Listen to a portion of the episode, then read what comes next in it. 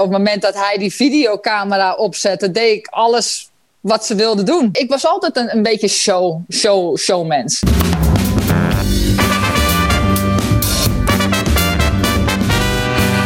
Hallo allemaal, Jan-Willem de Lange hier en welkom bij de derde aflevering van de Dutch Touch. Een NL Tennis podcast serie over de historie van de Nederlandse tennissport. Een ode aan die Nederlandse tennissers die daarin een prominente rol hebben gespeeld. En allemaal zijn ze lid van de IC, de Internationale Lawn Tennis Club van Nederland, een vereniging van internationals die voor hun land zijn uitgekomen. De IC telt zo'n 120 leden, waarvan 10 ereleden zoals Richard Krajcek, Betty Steuven en Tom Okker. In deze aflevering maken Marcella Mesker en ik een portret van de 50-jarige Brenda Schultz, voormalig top 10 speelster die het Nederlands tennis eind jaren 80 en begin jaren 90 domineerde. Big Brenda was bekend en beroemd om haar snoeiharde service. Ze speelde in de tijd van Graaf, Celes, Sanchez en Sabatini. En ze was met haar 1,88 meter een indrukwekkende verschijning. Maar een killer was ze allerminst. Zo vertelt gevoelsmens Schultz vanuit Florida. Daar woont ze met de Amerikaanse man Sean en twee zoontjes van 9 en 11. Brenda Schultz, een fascinerende mix van een powerhitter en een gevoelsmens in één. Zo blijkt al meteen aan het begin van ons gesprek. Ik denk dat ik toen ik 11 was, of 9. 9 won ik de districtskampioenschappen tot en met 12, 6-0, 6-0. Uh, en toen was ik net een jaartje aan tennis. Ik begon op mijn achtste. Het merendeel was tegen de muur. En, uh, en toen voelde ik me zo lullig, weet je. Ik denk van, jezus, snel, zo snel. De coaches zeiden dan ook tegen mij van, als je... Het was like een mier die onder je voet loopt. En je moet hem gewoon helemaal dood, want anders dan loopt hij nog weg. En ik had daar wel eens moeite mee. Brenda Schultz, het is geen uh, natural born afmaker, hoorden we haar zeggen. Maar ze werd wel een wereldtopper uiteindelijk. Hoe kreeg ze dat dan voor elkaar? Nou, daar ging natuurlijk heel wat kneden en coaching aan vooraf. En dat is meteen zo interessant aan Schultz. De imposante verschijning, het krachttennis, tegenover dat zachte sociale karakter. Ja, en dat vindt ook coach in rusten, Stan Franker. Hij maakte Schultz van dichtbij mee. Zo vertelt hij vanuit Suriname. Ja, het is, een moordmeid. Dat is, uh, ja, ze was dankbaar en ze uh, respecteerde gezag. Stan Franker, hij was directeur sportief van de Tennisbond in de proftijd van Schultz. Stan stond bekend om zijn no-nonsense aanpak. Hard, maar fair. En hij had regels voor zijn spelers. Voor Brenda geldt, ja, let op je dieet en eet geen toetjes tijdens toernooien. Daar hield ze zich keurig aan. Tot die ene keer in Australië. En Stan heel toevallig langs een ijssalon liep. Af en toe denk ik er toch nog aan of ik niet te hard ben geweest toen ze de reis naar Australië terug moest betalen aan de tennisbond. Omdat ze uh, uh, tegen de afspraken in een bananenboot had besteld bij het dessert. En voor haar pech, ik niet eens ze aan het eten was, liep ik daar voorbij met het Davis Cup team. Toen de ober met zo'n groot ijsje bij Brenda stopte. en de andere begon te lachen aan de tafel. Ze kijkt om. Ze ziet dat ik door het glas heen sta te kijken. Dus toen heb ik gezegd van ja, als je op deze manier omgaat met afspraken, dan uh, mag je de reis terugbetalen. Het is tot grote ergernis van de vader natuurlijk. Maar ze heeft tot de laatste cent terugbetaald. Dat was een lekker toetje, maar ook een dure les voor Brenda toen Stan haar betrapte in die fijne ijssalon. Maar los van deze anekdote, hoe was het nou voor hem om Brenda te coachen? Betty Steuven zei immers ooit, Brenda is oncoachbaar. Maar Stan ziet dat toch anders. Die had zo zijn trucjes om Brenda tijdens een wedstrijd op een simpele manier te coachen. En wat gebruikte hij daarvoor? Een videocamera. Je moest het niet te, niet te gecompliceerd maken, hè? Ze is een, ze is een gevoelsmens. En uh, als ze eenmaal in de flow zit, dan kan ze van de beste spelers ter wereld winnen. Als die niet weten hoe ze moeten spelen tegen haar. Want ja, als je het spel vertraagde en ze de bal te lang zag komen, ja, was de flow direct weg. en ik, uh, je, mocht niet coachen, maar ik had altijd zo'n Philips camera bij me, zo'n uh, videocamera. En ik richtte dan dat ding op de voeten dan wisten ze dat ze moest gaan bewegen, want anders was het terug op de video dat ze stond. ze wist dat ze hoofdzakelijk 80% van het veld met haar voorhand moest bespelen. En die, die 20% uh, backhand veld mochten ze van er hebben. En dat werkte. Het had een geweldige serve, hè. En het grappige was dat de vrouwen beledigd waren dat ze dat mocht. Ja, ze vonden alleen die surf, ach kom, doe toch normaal. ze gingen zich erger aan zoiets simpels. ga, ga meter verder staan en speel die bal voor het veld in. Heerlijk om naar te luisteren, die verhalen van Franker. De concurrentie kon de harde services van Brenda niet zo waarderen, begrijpen we nu. Nou ja, tegenwoordig zouden ze daar jaloers op zijn. Nog even over die speciale aanpak van de coach Franker. Want naast discipline was hij ook een man van zijn woord. Zo ook na een gewonnen weddenschap. Want toen kreeg Brenda precies wat ze wilde. Namelijk zijn leren jack. Ze vond dat jack heel mooi. En ze was ietsje groter dan ik, maar uh, niet zoveel groter. Dus dat jack paste er precies. En je moest de smaal zien van de ene hoek van de mond naar de andere toen ik met, die, met dat jack kwam aanzetten toen ze bij de eerste honderd van de wereld kwam. Stan Franker, ja, hij heeft hoorbaar plezier als je hem hoort terugdenken aan zijn tijd als coach. Maar tegelijkertijd is hij ook niet te beroerd anderen te laten delen in het succes van Schultz. Zo is hij vol lof over Amsterdammer Glenny Schaap. Die hielp bij de stappen naar de absolute wereldtop. Ze heeft ook de top 10 gehaald. Maar ik moet wel zeggen dat ze dat gehaald heeft onder strakke begeleiding van Glenny Schaap. Want ze waren maatjes uit de Amsterdamse jeugdtraining bij mij, de districtstraining. Maar hij was uh, behoorlijk fanatiek ook.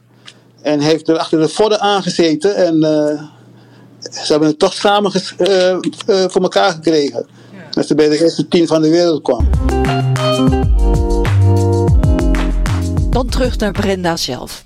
Stan Franker en Glenn Schaap waren namelijk niet de enige mannen die veel invloed op haar carrière hadden. Brenda werd namelijk verliefd op een voormalig American voetbalspeler. Weet u nog? Sean McCarthy. Daar is ze natuurlijk ook later mee getrouwd. Die Sean bleek een hele positieve kijk op het tennis van Brenda te hebben. En daar had ze duidelijk baat bij. Zo boekte Schultz een van de mooiste overwinningen uit haar carrière met hulp van sportman Sean. Het is 1994. We zijn in Miami en de tegenstander heet Arantxa Sanchez. Hij heeft me echt er doorheen gesleept van come on, come on. En dus ik, ik kom nou in de, in de vierde ronde tegen Arantxa. Dus wij lopen zo rond. En hij zegt, hoe do you have to play now? En hij wist niet heel veel van tennis. Hij wist wel een beetje. Dus ik zeg, ik moet tegen haar. Dus, um, that little troll? I said, yeah, that. But she's two in the world. And I played her like eight times. Lost to her. Elke keer verloren. En uh, hij zegt... Uh, en ik zeg, ze heeft altijd gelukt. Ze, kiest altijd de goede kant. Als ik opening krijg, weet ik, hij zegt, nou, klinkt niet echt dat je er morgen van gaat winnen. Dus ik, what do you mean? You don't know your football. And he's like, nah, you just told me three reasons why you're going to lose to her tomorrow. You haven't told me anything why you're going to beat her tomorrow. Dus ik, ja, oké, ja, oké, you make sense. Maar ik was niet echt heel blij. Maar hij moest terug naar zijn werk, naar Boca Raton, Delray Beach. En ik moest die volgende dag aan de slag.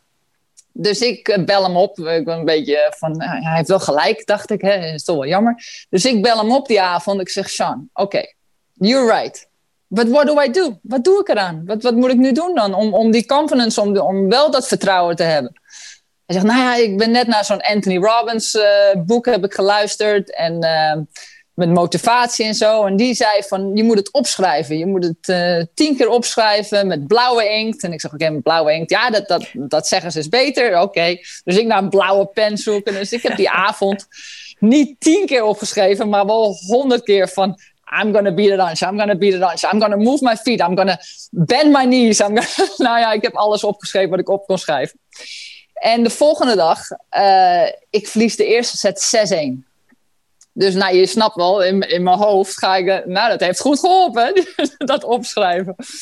Maar ik, uh, het is grappig, want ik, ik, op dat moment wist ik al dat Sean, zeg maar, ja, de man van mijn dromen, ik weet niet. Als ik, als ik een tekening had moeten maken dat ik tien was en ik had gezegd, hoe wil je dat je man eruit ziet? Dan was het Sean geweest. Donker haar, blauwe ogen, groter dan ik.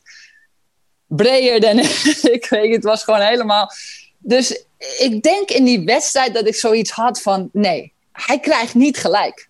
Ik, ik ga dit winnen. Ja, en dat lukt ook nog. Want uiteindelijk is het toch een knokkende Brenda die wint. Met 6-3 in de derde. De enige keer dat dat trouwens lukte in de tien partijen die ze speelde tegen Sanchez. Het is een mooi voorbeeld van mentale hulp. Die Schultz wel vaker nodig had. Zo ook van Stan Franker. En ja, daar is hij weer. Want Franker had in Amerika sportpsychologie gestudeerd. En zag hoe hij Brenda op mentaal gebied kon helpen. Op dat vlak was hij een pionier. Luister maar. Nou, ik denk dat hij al een beetje die, die eerste stap heeft gemaakt naar psychologie. Naar hoe, hoe belangrijk het mentaal is in tennis. Ondanks dat ik. Ik denk als ik met Stan was gebleven, had ik vijf jaar eerder de top 10 binnengehaald.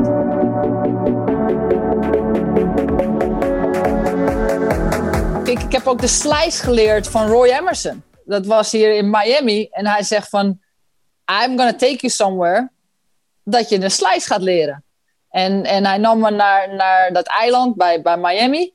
En Roy Emerson ik wist helemaal niet op dat moment hoe Roy Emerson was. Weet je. Ik was niet echt uh, history in de tennis. Nou, weet ik dat wel. Nu ben ik daar eigenlijk veel meer geïnteresseerd in. Maar op die leeftijd, op 16, uh, ehm, wist ik niet. Maar ik weet dat hij dat dronk aan de bar zat. En ik denk van, die man die gaat me een slice leren. En hij kon amper opstaan. Maar hij leerde me een slice. Hij zegt, waarom kom je helemaal van hier? Je moet gewoon de drekken erachter zetten en door die bal heen. En nog steeds kan ik gewoon een winner slice slaan. Als iemand aan het net slaat, kan ik hem gewoon hard passeren met een slice. Nog steeds een van mijn beste slagen door Roy Emerson.